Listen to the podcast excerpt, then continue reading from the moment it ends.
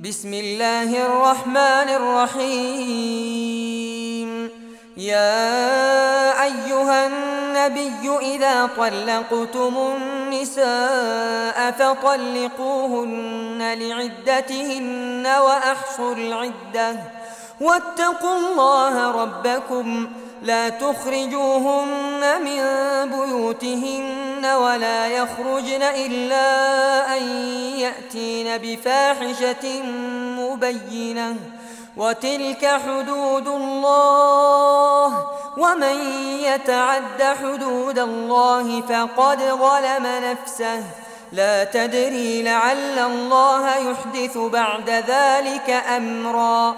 فإذا بلغن أجلهن فأمسكوهن بمعروف أو فارقوهن بمعروف وأشهدوا ذوي عدل منكم وأقيموا الشهادة لله ذلكم يوعظ به من كان يؤمن بالله واليوم الآخر ومن يتق الله يجعل له مخرجا ويرزقه من حيث لا يحتسب ومن يتوكل على الله فهو حسبه.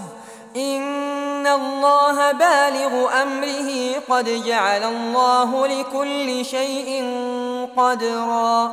واللائي يئسن من المحيض من نسائكم إن ارتبتم فعدتهن ثلاثة أشهر. واللائي لم يحض وأولاة الأحمال أجلهن أن يضعن حملهن ومن يتق الله يجعل له من أمره يسرا ذلك أمر الله أنزله إليكم ومن يتق الله يكفر عنه سيئاته ويعظم له أجرا أسكنوهن من حيث سكنتم من وجدكم ولا تضاروهن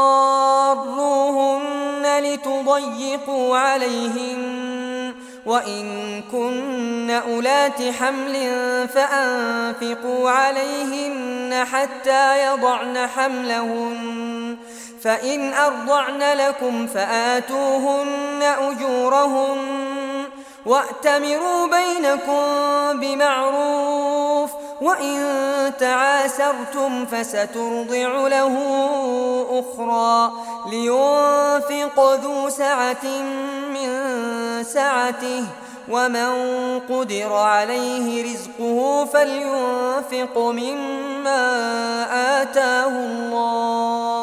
لا يكلف الله نفسا إلا ما آتاها. سيجعل الله بعد عسر يسرا. وكأي من قرية عتت عن أمر ربها ورسله فحاسبناها حسابا شديدا وعذبناها عذابا نكرا. فذاقت وبال أمرها وكان عاقبة أمرها خسرا. أعد الله لهم عذابا شديدا. فاتقوا الله يا أولي الألباب الذين آمنوا. قد أنزل الله إليكم ذكرا. رسولا يتلو عليكم آيات الله مبينات ليخرج الذين آمنوا وعملوا الصالحات من الظلمات إلى النور. ومن يؤمن بالله ويعمل صالحا يدخله جنات تجري من تحتها الأنهار خالدين فيها أبدا. قد أحسن الله له رزقا.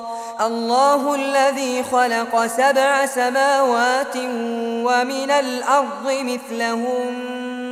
يتنزل الأمر بينهن لتعلموا أن الله على كل شيء قدير وأن الله قد أحاط بكل شيء علما